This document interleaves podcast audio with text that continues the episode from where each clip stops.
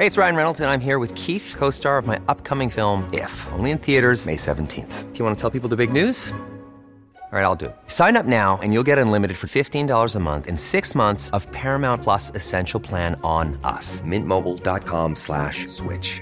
Upfront payment of $45 equivalent to $15 per month. Unlimited over 40 gigabytes per month. Face lower speeds. Videos at 480p. Active Mint customers by 531.24 get six months of Paramount Plus Essential Plan. Auto renews after six months. Offer ends May 31st, 2024. Separate Paramount Plus registration required. Terms and conditions apply if rated PG. Ready to pop the question? The jewelers at BlueNile.com have got sparkle down to a science with beautiful lab grown diamonds worthy of your most brilliant moments. Their lab grown diamonds are independently graded and guaranteed identical to natural diamonds, and they're ready to ship to your door. Go to BlueNile.com and use promo code LISTEN to get $50 off your purchase of $500 or more. That's code LISTEN at BlueNile.com for $50 off. BlueNile.com code LISTEN.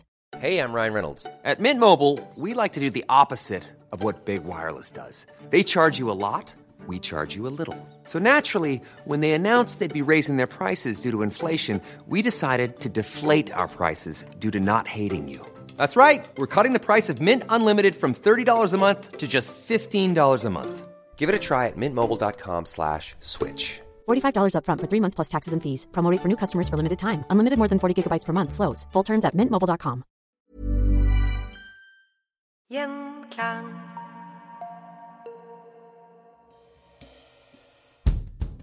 I dag skal det handle om romantikk og sex, justismord og hevn, grådighet, maktspill, ekteskap, en enke som krever sin rett, og ikke minst monarkiets fremtid.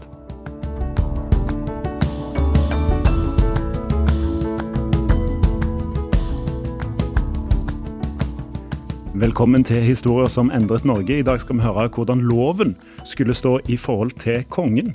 Sjur Atle Furali, velkommen tilbake igjen til Historier som endret Norge. Tusen takk. Du er førstelektor i kirkehistorie på Teologisk fakultet ved Universitetet i eh, Oslo. Jeg tenkte jo at eh, vi fikk høyesterett i forbindelse med Grunnloven, men du har fortalt meg vi skal langt tilbake igjen, for det fantes jo et Norge før Grunnloven òg. Det gjorde det absolutt, og vi skal tilbake til eh, Danmark-Norge i eh, rundt 1660. Danmark-Norge fikk sin første høyesterett i 1661, og eh, det er en ganske spennende historie. Hvem styrer Danmark-Norge da, på den tiden? På denne tiden, så, altså før 1660, så var jo Danmark-Norge et adelsvelde. Og det var Fredrik 3. som var konge, og det hadde han vært siden Kristian 4. døde i 1648. Kristian 4. han hadde lagt seg kraftig ut med adelen og ødelagt mye for, for Danmark-Norge i krig. Så nå gjaldt det for adelen å binde kongen mest mulig. Så de hadde lagt sterke bånd på Fredrik 3. Altså I forhold til hva han kunne bestemme og gjøre? Ja, rett og slett. Man hadde en håndfesting hver gang en, hver gang en ny konge ble valgt, sånn teoretisk sett valgt, i, i Riksrådet, så måtte han skrive under på en håndfesting som var en forfatning som uh, alltid måtte reforhandles når en ny konge kom til. Og dette var den uh, minst gunstige håndfestingen en konge av Danmark-Norge hadde hatt til da. Ja, hvorfor det? Fordi han var så streng? eller han måtte... Ja, fordi den ga lite makt og handlingsrom til kongen. Nettopp fordi at Kristian 4. hadde vist seg å være en forholdsvis løs kanon på dekk til tider. Ja, Så da, det, da, da er det apparatet, statsapparatet rundt kongen da, som på, på, en måte prøver å, å sikre seg at det ikke kommer en, en tulling ved makten? da? Rett og slett. Ja, ok. Er det, er det, det som på en måte blir forløpet da, til Høyesterett, sånn som vi kjenner det i dag? da? Ja, På sett og vis kan du si det sånn, fordi at øh, Høyesterett kommer jo da eneveldet blir innført. Fordi eneveldet legger all makt hos kongen, hos Fredrik 3., som, og dette skjer ved et ganske spektakulært kupp i 1660, som, som, vi ikke skal gå nærmere inn på her. Det er en stor og spennende historie for seg. Men et enevelde krever et stort byråkrati, ellers så vil ikke kongen klare å gjøre oppgavene sine. Og, og derfor så, så, måtte man også Og så hadde man eh, avviklet Riksrådet, som besto av, av bl.a. adelen og geistligheten, og kongen hadde også sete der vi så jo på kongen på 1600-tallet på en litt annen måte enn vi ser på, på kongen i dag. For det, religionen var med. Han var valgt av Gud på et eller annet nivå her. Kom. Ja, og det, kongen eh, var alltid valgt av Gud på, på, på, et eller annet nivå, som du sier, men da på et lavere nivå, for å si det på den måten, før eneveldet. og på et veldig høyt nivå etter eneveldet. Så fagtermen her er jo politisk teologi. Det er liksom det faglige stikkordet til hvorfor det er spennende for en kirkehistoriker å, å se på disse tingene, og hvordan maktfordelingen blir mellom lov, konge og Gud. Hvor, begynner denne historien? Ja, da må vi til, til 1652 først, for da kommer Eller da blir nordmannen Peder Børting ansatt som, som ridefogd på et gods i Danmark som heter Ranshavholm, som ble eller som var eid av Frans Lykke på den tiden. Og Peder Børting han, han, er en spennende figur i både dansk og norsk historie, men han oppfattes på to helt forskjellige måter i, i våre land. Ja. Og i, for i Norge så er han sett på som en driftig og viktig jernverkseier som skapte mye i Norge, og dette var jo da etter han kom tilbake igjen fra Danmark. I Danmark så er han sett på som den store skurken. Ja, Og hvorfor det? Jo, altså, Peder Børting han, han ble jo da ansatt som ridefogd, som sagt. Og en ridefogd, det sier jo litt om personligheten hans her også, for en ridefogd det var en ridende fogd, rett og slett. Og han red rundt på vegne av adelsmannen for å kreve inn skatter for adelsmannens leilendinger. Og Peder Børting var meget dyktig i jobben sin. Ja, var, altså, var han brutal? Ja, han var brutal. Det, han kunne i hvert fall kreve Eller han kunne i hvert fall true med å være brutal, og det, det, er en sak fra 1657 der han har havnet i et slagsmål som ender med at den andre dør, men dette klarer han å komme seg unna på et vis, da. Jeg gjorde bare jobben min. Ja, om det, ja, om det var jobbrelatert, den konflikten, det vet jeg ikke, men han var i hvert fall veldig god til å slippe unna. Det som er også litt uh, underlig her, er jo dette forholdet han får til Frans Lykkes sønn, Kai Lykke. I 1655 så dør eh, Frans Lykke. Og da er eh, Kai Lykke i midten av 20-åra og tar over Danmarks, no, et av Danmarks absolutt største gods. Eller mange gods var det han hadde, altså et, et gods i den forstand at det besto av flere herregårder. Og han var umåtelig rik, og faren hadde lånt bort veldig mange penger til Fredrik 3., så Lykkegodset var kreditor for kongen. Ja, og det, med det kommer det vel kanskje òg litt makt og innflytelse? Ja, og Peder Børting og Kai Lykke må ha vært ganske gode venner. De var jevngamle. og om de var gode venner, det vet vi ikke, men de, de hadde i hvert fall en, en tillitsrelasjon. Uh, fordi Kai Lykke han hadde da en elskerinne på godset som het Sofie Abelsdatter. I 1656 så skriver uh, Sofie et brev til Kai på vårparten, hvor hun uh, klager over at det sladres meget om henne og hennes løssluppenhet på hoffet. Og Kai Lykke han svarer på dette brevet. Det skal vi komme tilbake til, men det som skjer bare litt etterpå, og på, på høstparten, så gifter Peder Børting seg med Sofie Abelsdatter. Ja. Og dette også det å være adelsmann i Norge og det å være det i Danmark, det var to forskjellige ting. Og det å være under en adelsmann var også to forskjellige ting. Så dette kunne umulig ha skjedd uten Kai Lykkes velsignelse, og kanskje var han også pådriver for det. Det vet vi ikke. Ja, nettopp. For det, ja, for det var Hun var av en annen på en måte rang da, enn han, eller? Ja, hun het Sofie Abelsdatter Spet, og det, om hun er i slekt med den svenske eller, Altså, slekten Spet kom fra, fra Lübeck, og de slår seg opp i Norrköping litt senere på 1600-tallet med tekstiler. Om hun var en del av denne familien, det, det vitser ikke, men, men, mest sannsynlig var hun det. Og hun tilhørte da borgerskapet. Ja, ok, Så hun var, hun var liksom i, i, borgerskapet, da, så det var ikke en tjenestepike vi snakker om her? Liksom. Nei, hun, hun tjente ved, ved hoffet, men, men, hun, var ikke, hun var ikke en bondepike. Eh, hvis vi følger Peder Børting da, sin, sin reise inn, inn, i dette her, da, så er jo det jo via, via Lykke Peder Børting fra Norge blir venn da med, med familien Lykke, og, som er, og, Lykke er da adelsmann i Danmark. Og det er, som du beskriver, har eh, store eiendommer og er veldig, veldig rik. Kongen har gjeld til de. Ja, riktig. Og, og Børting jobbet jo da Både Børting og Sofie jobbet jo da for Kai Lykke. Men uh, ja, det tyder på at Peder og Kai, de var Tettere. De var tettere, ja. ja. Eller det vet, Sofie og Kai var også tette. Det, alle var jo tette her, men OK. Men hvor begynner dette å bli Eh, Dette er jo opptakten til en såpeopera, men hva- når begynner det å såpe seg til? Nei, altså i denne perioden her, så på siste halvdel av 1650-tallet, så, er så bryter det ut krig mellom eh, Danmark og Sverige. Mm. Og Kai Lykke som adelsmann eh, måtte, måtte stille i krigen. Og det gjorde han med en viss glede.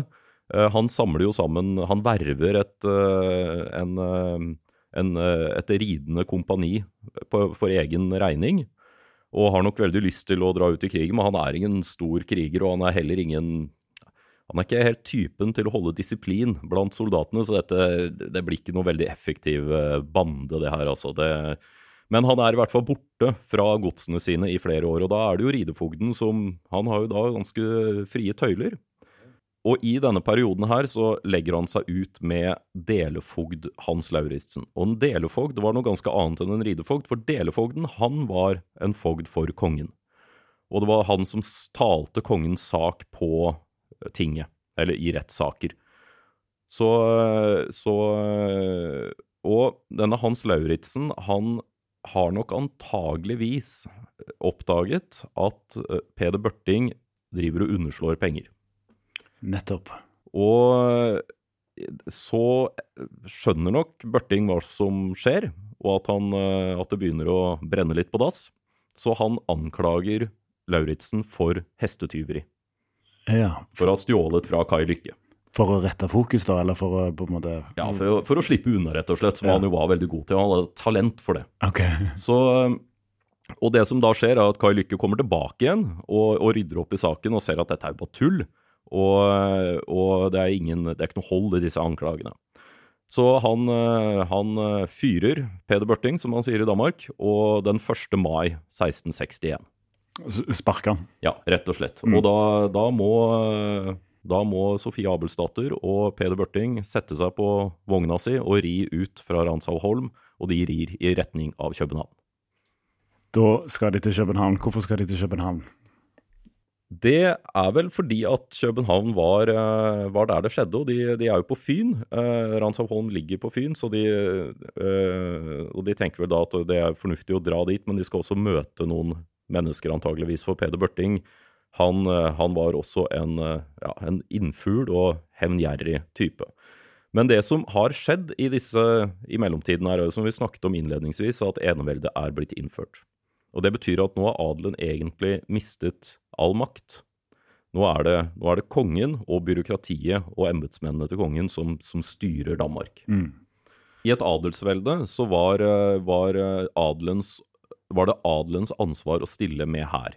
Eh, og hver adelsmann hadde sitt, sin hær, og kongen hadde ikke en egen stor nasjonal hær, men, men adelsmennene måtte, måtte ri inn. Og eh, det som skjer i denne, disse Carl Gustav-krigene, som det, som det kalles, er at i 1658 så beleirer eh, Eller seint på vinteren eh, 1657 så beleirer svenskene København. Og i, eh, i denne i, under denne beleiringen, som varte i flere måneder, så er Fredrik 3. Han, han får et tilbud om å forlate byen. Han sa at nå må du rømme. Så sier han eh, de, de bevingede ord 'Jeg vil dø i mitt rede'. Ja. Det minner jo veldig om en annen eh, statsleder i disse tider, som, eh, som konsoliderer makten ved å, å vise mot i strid. Så han, eh, Men Fredrik 3. han kjemper på barrikadene med byens studenter og soldater, og han, han rir på vollene og, og viser et kraftig mot. Så han klarer liksom å bli den store krigshelten under denne beleiringen. Ja. Men det er ganske eh, alvorlig da hvis de har beleiret København. Altså det er jo eh, Og så, og så står kongen der, og så kommer kongen ut av det liksom på en, på en positiv måte. Ja, det, det er et uh, Fredrik 3. kan nok sies, med stor sikkerhet sies å ha vært den dyktigste lederen av Danmark uh, i, i disse århundrene fra, ja, fra reformasjonen ble innført og til, øh, til eneveldet ble avviklet i 1849. Ja, og da er det jo også naturlig at det er litt sånn eh, sa- samfunnsmessige justeringer etter en sånn, sånn hendelse, da. Og, og, og den som da holder på narrativet etter en sånn hendelse òg, er jo den som kommer seirende Altså han som da blir krigshelten, da. Rett og slett. Og etter at eneveldet er innført, så, så, har man jo da som sagt eh, avviklet Riksrådet, og så har man innført noe som het statskollegiet. Og statskollegiet, de var eh, ja, Det var et sånn kollegium som tok seg av handelsting, men også juridiske ting. Og de ber Fredrik 3. om å opprette Høyesterett. Og dette henger nok sammen med at uh, de som var absolutister, det var jo ikke bare kongen. Det var jo ikke kongen som vred armen på alle her. Uh, det var veldig mange som ville ha absolutisme. Det ble sett på som en, uh, en veldig god styringsform. Det mektigste riket i Europa på den tiden var Frankrike, og det var eneveldig. Så her så man til andre deler av Europa så at dette var bra. Men et enevelde betinger at man har eh, en maktfordeling mellom uh, lov og konge, eller høyesterett og konge, eller så vil man ende i tyranni. Og det var det ingen som var interessert i. Og nok egentlig ikke heller Fredrik 3., for han går umiddelbart i gang med å opprette høyesterett. Ja. Og etter at statskollegiet har bedt Kristian 3. om å opprette høyesterett, så går han ganske raskt i gang med det. Men han går også i gang med å revidere lovverket som sådan. Fordi at uh, det juridiske Danmark var ganske komplekst på den tiden. Man hadde en rekke landskapslover. Skåne var et eget rettsområde. Jylland var eget rettsområde, og Fyn og Sjælland var eget rettsområde. De hang ikke sammen? på en måte? De hang jo sammen, men de hadde hver sin landskapslov. Okay. Og disse lovene var heller ikke tilpasset et enevelde, de var tilpasset at adelen hadde masse makt, så man måtte revidere dem. Så hadde man nok egentlig tenkt å først bare revidere landskapslovene som sådan, men ganske raskt så blir det til at man tenker at okay, vi må bare ha én lov for hele riket. Sånn som man allerede hadde i Norge. Og denne opprettelsen av uh, Høyesterett den skjer i midten av januar 1661. Og 1. mai uh, eh, 1661 så rir Peder Børting og Sofie Abelsdatter fra Ranshaugholm i retning av København. Ja, de, de, I vår historie nå så er de våre venner. De, altså, Peder Børting er nordmannen som rir inn da, med sin utkårede til ja. København etter å ha drept seg ut hos uh, familien Lykke. There's never been a faster or easier way to start your weight loss journey than with PlushCare. PlushCare accepts most insurance plans and gives you online access to board-certified physicians who can prescribe FDA-approved weight loss medications like Wigovi and Zepbound for those who qualify. Take charge of your health and speak with a board certified physician about a weight loss plan that's right for you. Get started today at plushcare.com slash weight loss. That's plushcare.com slash weight loss. Plushcare.com slash weight loss. Hey, it's Ryan Reynolds, and I'm here with Keith, co star of my upcoming film, If, only in theaters, May 17th. Do you want to tell people the big news? All right, I'll do it. Sign up now and you'll get unlimited for $15 a month in six months of Paramount Plus Essential Plan on us. Mintmobile.com slash switch. Upfront payment of $45 equivalent to $15 per month. Unlimited over 40 gigabytes per month. Face lower speeds. Videos at 480p. Active Mint customers by 531.24 get six months of Paramount Plus Essential Plan. Auto renews after six months. Offer ends May 31st, 2024. Separate Paramount Plus registration required. Terms and conditions apply if rated PG. Quality sleep is essential. That's why the Sleep Number Smart Bed is designed for your ever-evolving sleep needs. Need a bed that's firmer or softer on either side? Helps you sleep at a comfortable temperature? Sleep Number Smart Beds let you individualize your comfort so you sleep better together. JD Power ranks Sleep Number number 1 in customer satisfaction with mattresses purchased in-store. And now, save 50% on the Sleep Number limited edition Smart Bed for a limited time. For JD Power 2023 award information, visit jdpower.com/awards. Only at a Sleep Number store or sleepnumber.com. Hvordan kommer han til å spille en viktig rolle? Peder Børting rir til generalfiskal Søren Kornerup Han hørtes dansk ut. Han var meget dansk, og han var en svoren fiende av adelen. Og, han, og, det å være generalfiskal, det var ingen liten stilling i eneveldet, for det var nemlig generalfiskalen som uh, førte prosess mot de som man kunne anklage for majestetsforbrytelser. Ja. Så han var, uh, han var en slags statsadvokat. Han hentet ja. også inn pengene. Han bøtela og, og, fikk pengene, og da hadde man en, eh, en, eh, en, egen kasse for dette. Så han hadde også håndene på veldig mye penger, da. Men hvorfor får han da besøk av eh, Peder Børting? Det er jo da av dette brevet som Kai Lykke har svart Sofie Abelsdatter med. Og når eh, Kornerup får dette brevet i hånden og, og leser dette, skal man forestille seg nesten Se for seg ansiktet hans. Hvordan han Ja, OK, hva er dette for noe? Og så etter hvert som han kommer ned over i linjene, så, så lyser kanskje ansiktet hans opp. For der står det at eh, Kai Lykke skriver at eh, Sofie skal ikke bekymre seg for at man sladrer om henne. Fordi at eh, det snakkes mer enn nok om at kongen har sine lakeier på hoffet. Ja. Så det han egentlig da sa, var jo at, eh, at eh, dronning Sofie Amalie spretter bena litt for ofte for andre menn på hoffet enn sin egen ektemann. ja. Og det, hvis du har som jobb å passe på at ryktet til kongen eh, ikke skal forvitre, så, så er jo dette mat. Da øyner du en mulighet, og når du da i tillegg har eh, hånd om eh, store deler av kongens finanser, og du vet at eh, Lykke-familien er kreditorer for kongen, Og du er i utgangspunktet skeptisk til adelen. rett og slett. Så, så her, var det, her var det flere ting som eh, Kornerup øynet mulighetene for. Og kanskje, som du sier, ikke minst å stikke en, et siste stikk inn i adelen. Ja. Hvor, hvor, hvordan gjør han det, da? Nei, altså, han, eh, han går jo da til kongen med dette brevet. Og hvordan kongen reagerte, det vet vi ikke. Eh, nå var det sikkert ikke en hemmelighet for kongen heller at eh, dronninga hans holdt på sånn, og det var jo ganske vanlig i arrangerte kongelige ekteskap på den tiden at man eh, holdt på på dette viset. Eh, og Kai Lykke hadde også tidligere på 1650-tallet en gang blitt bortvist fra hoffet fordi han eh, hadde i lystig lag eh, kommet med de samme beskyldningene, eller spredt en type sladder. Ja, okay. Så det var allerede litt grums her. Og, så, ja.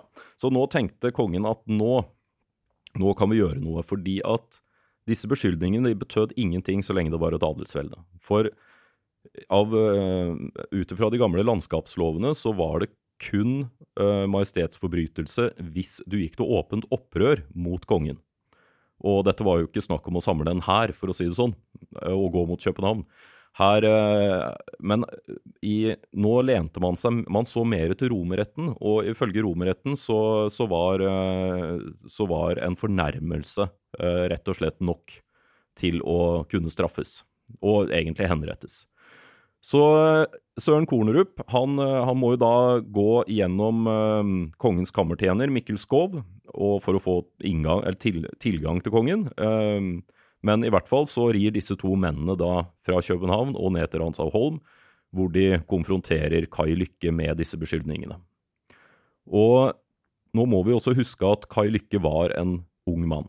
Han var en ubekymret mann, og, en, eh, og han hadde, faren hans hadde jo dødd for noen år siden, og han hadde arvet et enormt gods. Eh, Han hadde nok også levd ganske beskyttet, så han, eh, han, eh, han faller umiddelbart for disse beskyldningene og, eller disse truslene.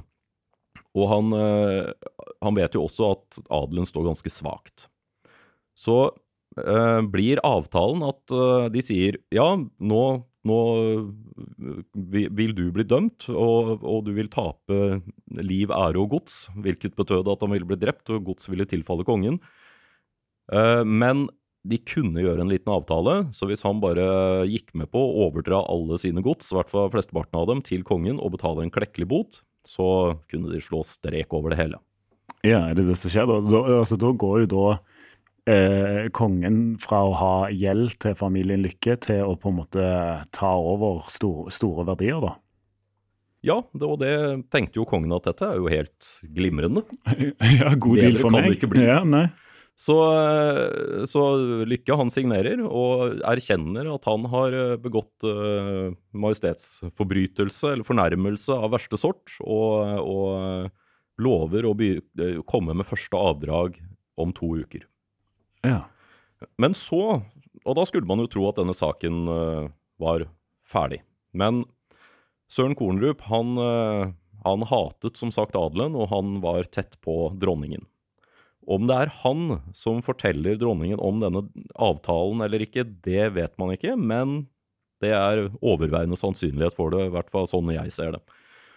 Og dronningen, hun tar ikke lett på at kongen nå har hestehandlet om hennes ære.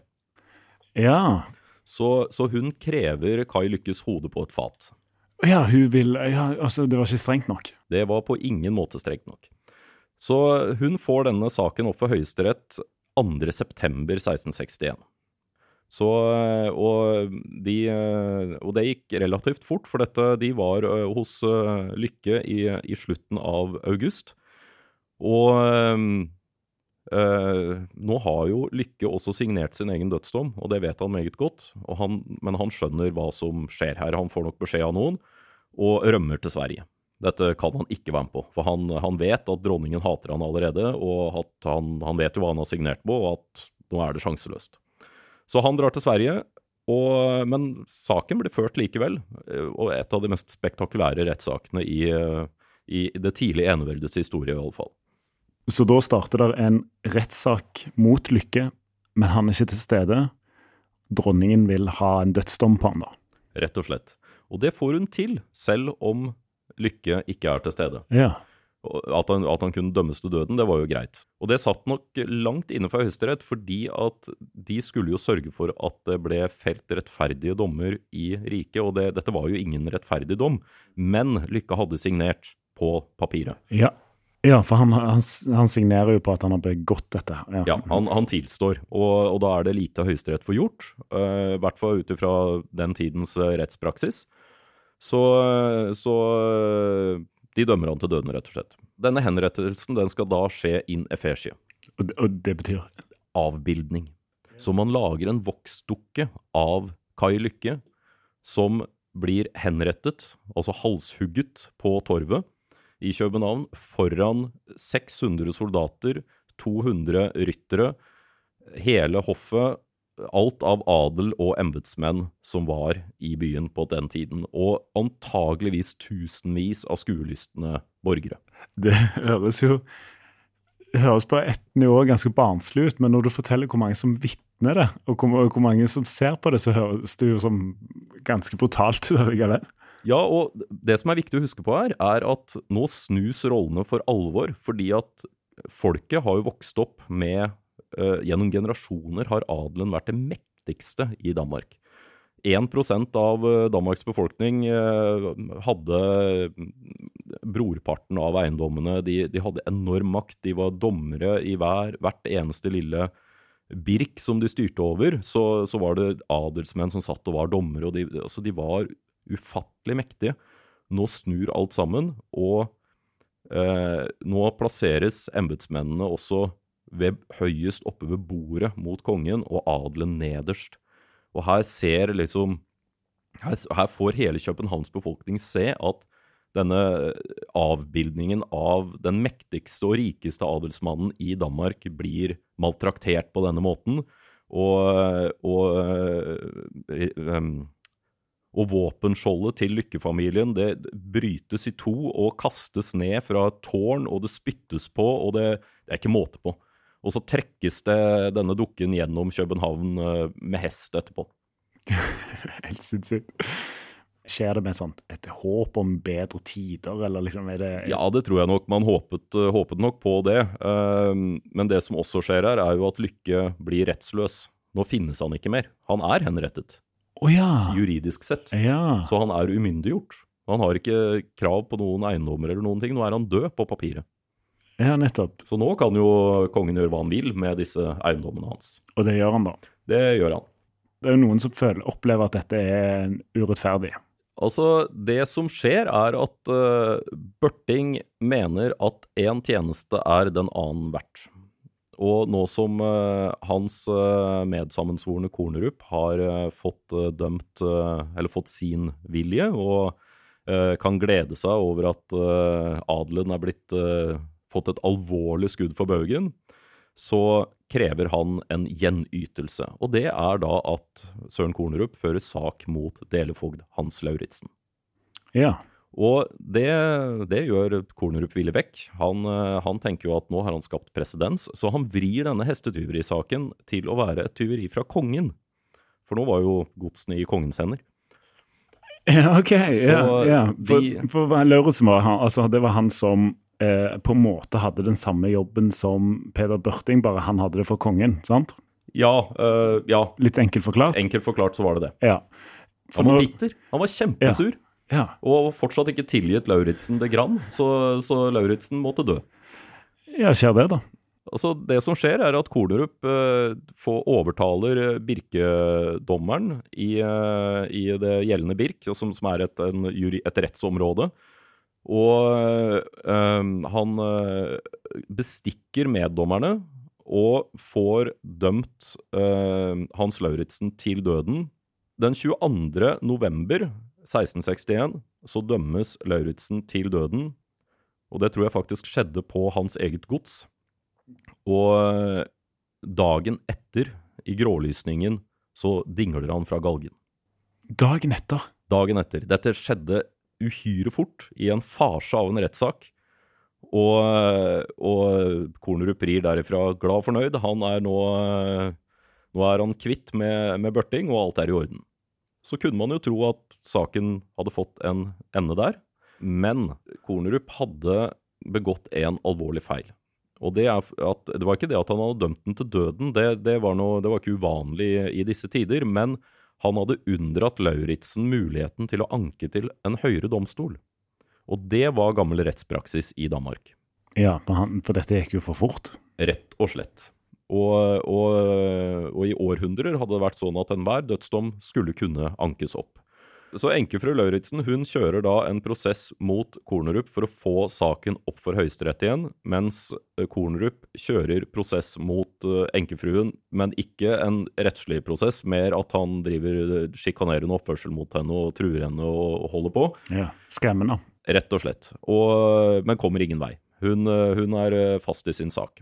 Men en måned tidligere så hadde Kornerup begynt et annet spill, fordi han ville ha kontroll på hvordan retten ble utformet i Danmark. Og som jeg nevnte i sted, så hadde Fredrik 3. satt i gang et revisjonsarbeid. Og, og, nedsatt en lovkommisjon bestående av både jurister og adelige og borgere. Dette arbeidet gikk fryktelig treigt fordi at ingen klarte å bli enige om noe som helst. Men etter rettssaken mot Lykke så blir det klart at man trenger et lovverk som sier klart og tydelig hva en majestetsforbrytelse er. Og da får kommisjonen fart på seg. Så den 21. oktober i 1661 så får de, en, får de beskjed om å lage en ny fiskalrett. Og fiskalretten var jo nettopp det, altså den retten som definerte majestetsforbrytelsene. Men da er det sånn at noen forteller Kornerup om dette. Og det, det var jo ikke noen åpen saksgang i et enevelde. Så her var et brev gikk fra kongen til en, og det var ingen andre som visste om disse tingene. Men så var det alltid noen andre som visste likevel. Ja. Og Kornerup han får da vite at lovkommisjonen er blitt bedt om å lage et regelverk, et lovverk, for, uh, for majestetsforbrytelser. Og da er det at uh, rentemester Gabel og overstattholder Rantzau, som var kongen og dronningens gamle venner, de hvisker dette i øret til Kornerup, og bare noen dager etterpå så leverer han sitt eget forslag til kongen. Ja. Og da hjelper det ikke stort når eh, den 28. oktober at lovkommisjonen kom med sitt forslag, for da har kongen allerede fått Kornerups. Og han syns jo det virker ganske greit nå, fordi eh, der ligger jo presedensen for det som nå har skjedd med Lykke. Og, og dermed så kan alt liksom bli stuerent. ja, for det var òg viktig for kongen. Ja, og da var det det. Eh, for nå hadde han jo en forsmådd kone som, eh, som, måtte, som måtte blidgjøres her. ja, det. Og det som var forskjellen på disse utkastene, det var at i lovkommisjonens utkast så måtte en majestetsforbrytelse ha forsett. Også at man, hvis man skulle kunne dømmes for å ha krenket majesteten, så måtte man ha gjort det med overlegg og med vilje. At det var hensikten, liksom. Ja. Mens i Kornrups forslag så var det bare det at du hadde gjort det. Uansett om du mente det eller ikke. Så det kunne, det kunne skje ved ubetenksomhet. Sånn som i dette brevet fra Kai Lykke til Sofie Abelsdatter. Og kongen, han øh, velger da Kornerups utkast og sender det til statskollegiet. Statskollegiet, de øh, Men det tar ganske lang tid. Altså, Fredrik 3. hadde en tendens til å dvele ved ting og, og somle litt, trekke ut tida. Og i mellomtiden så skjer da denne rettssaken mot uh, delfogd Lauritzen, hvor han dømmes til døden og henrettes. Når da dette utpå vårparten i 1662 skal avgjøres, så får statskollegiet eh, utkastet til Kornerup i hende. De sender det eh, vennlig tilbake og sier at eh, dette bør lovkommisjonen se på. Og så trekkes ting ut i tiden, og til slutt så er det lovkommisjonens forslag som blir gjeldende rett. Og så, i 1663, da blir Kornerup omsider ført for retten. For da får enken til Lauritzen eh, kjørt, kjørt denne saken? Da får hun viljen sin. Ja. Den 28. september så kommer saken mot Kornerup opp for Høyesterett. Og, sak, eh, og det det dreier seg om nå, er jo at eh, enkefruen vil ha på det rene at eh, prosessen mot hennes avdøde ektemann var et justismord. Det lykkes hun med, og da blir Birke-dommeren, som hadde blitt over, latt seg overbevise av Kornerup, blir dømt til døden. Mens Kornerup han blir dømt til kongens nåde og unåde.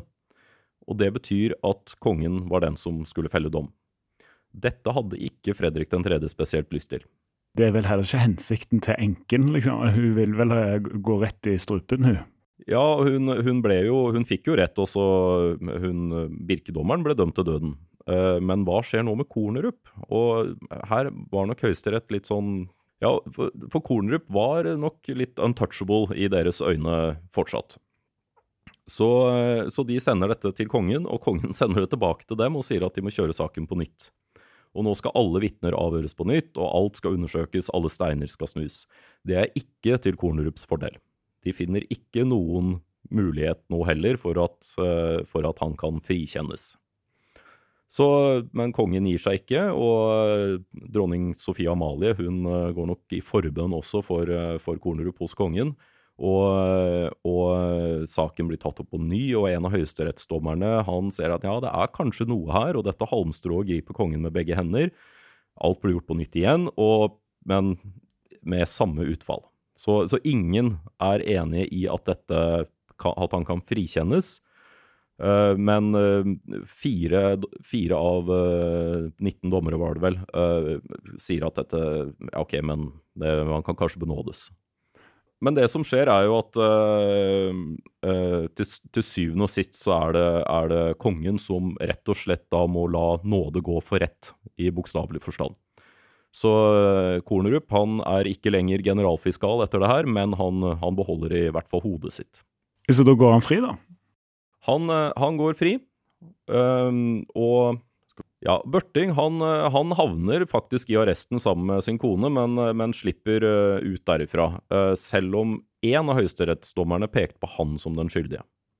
Men det var bare én av 19, så det, det, det gikk greit. Uh, han kom seg unna, og han forlater Danmark. Og i 1669 så kjøpte han Fossum jernverk i Gjerpen av uh, Preben von Anen for eh, den nette sum av 5000 riksdaler. Så, så, han hadde gjort det godt, denne Børting også.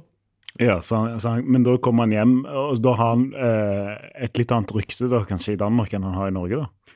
Ja, Der slår han seg opp som en industrimann og skaper arbeidsplasser. Og hva han har gjort med adelen i Danmark, det er jo ingen som bryr seg om i Norge. Nei. Nei. Men det er men det er jo fascinerende da, hvordan disse to, eller dette riket med disse to landene eh, opererer og har eh, mye felles, eh, felles historie, og, men hvor en har ulikt syn på det allikevel. da. Men hvordan, er det, hvordan kan du forklare at den, denne, disse rettssakene og denne praksisen her på en måte endrer, endrer lovverket? Altså det, som, eh, det som skjer, er jo at, eh, at eh, man får et enevelde hvor kongen er underlagt loven. Og nå er det sånn at kongen kunne jo ikke dømmes for ordinære forbrytelser og den slags, men det, det, må være en man, man, enes om at det må være en lov som binder kongen. Det blir en maktfordeling mellom Høyesterett og kongen som er mer rettferdig, da, kan du si kongen kan ikke selv definere hva som er en majestetsfornærmelse ut ifra om han ble fornærmet eller ikke. Nei. Og det, det er jo viktig. Og um, den danske historikeren Sebastian Olden Jørgensen han har kalt denne perioden mellom 1660 og 1665 for det tyranniske eneveldet. Og, og, så går det over til å bli en, en, en, rettsstat, mer eller mindre, i den grad det kunne være det under et enevelde. Men, men, det blir en forutsigbar rett, og det var jo viktig. Ja, og da er det kanskje her vi kan si at eh, Norge, eller Danmark-Norge, da fikk, fikk høyesterett, da. Det, det, gjorde de. Og um, også det som, eh, det som blir også den politisk-teologiske konsekvensen, det er at Guds rettferdighet, som, som alle måtte møte uh, i, i, et, uh, i, et, religiøst rike som Danmark-Norge på den tiden De ble stilt overfor Guds rettferdighet, og det var Guds rettferdighet at du ble dømt, eller om du ble frikjent og sånne ting. Men det som skjer etter, uh, etter denne saken er avsluttet, er at konge og folk møter Guds rettferdighet på like premisser, kan du si. Det, det, også, Guds rettferdighet er ikke noe som kongen definerer. Det høres jo litt mer behagelig ut. I aller høyeste grad. Så skjer det jo noe med, når vi får grunnlov, altså hvis vi spoler fram her, da. Eh, for den norske høyesterett ble jo liksom etablert da i året etter Grunnloven. Nå er jo ikke jeg rettshistoriker, men da man etablerte Høyesterett i 1814, så bygde man jo videre på den danske modellen, men med noen små endringer. En artig, artig forskjell er jo at eh, i eh, i dansk høyesterett så, så, var det alltid den yngste dommeren som, skulle, som fikk ordet først. Mens i den norske så var det da den eldste. Så da snudde man bare om på det. Vi skal i hvert fall ikke gjøre sånn som de gjør i Danmark. Nei, det er jo det man også, eh, som også man får i norsk høyesterett, som man hadde i Danmark, og som denne saken viser, er jo at da høyesterett eh, fungerer som prejudikat. Altså at en tidligere dom utgjør norm for hvordan en rettsregel skal tolkes fremover. Og det, Sånn har vi det fortsatt i Norge i dag. Mm. Og det kan man si ble etablert med denne saken som Børting satte i gang da han ga dette brevet til Søren Kornerup i 1661. Ja, Bra. Men da har, vi, da har vi trukket den historiske linjen i en historiepodkast, og det er ikke verst, selv om, eh, selv om, vi befinner oss nå midt på sommeren. Sjur Atle Furali, takk for at jeg fikk eh, lokket deg inn i et studio midt på sommeren. Så får jeg håper du får en god sommer, og takk for at du tok deg tid til historier som endret Norge i dag. Tusen takk for at jeg ble invitert.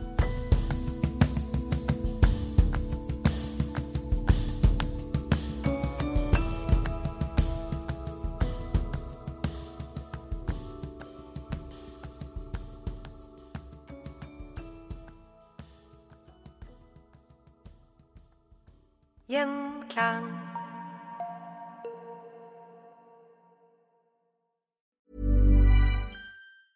Even when we're on a budget, we still deserve nice things.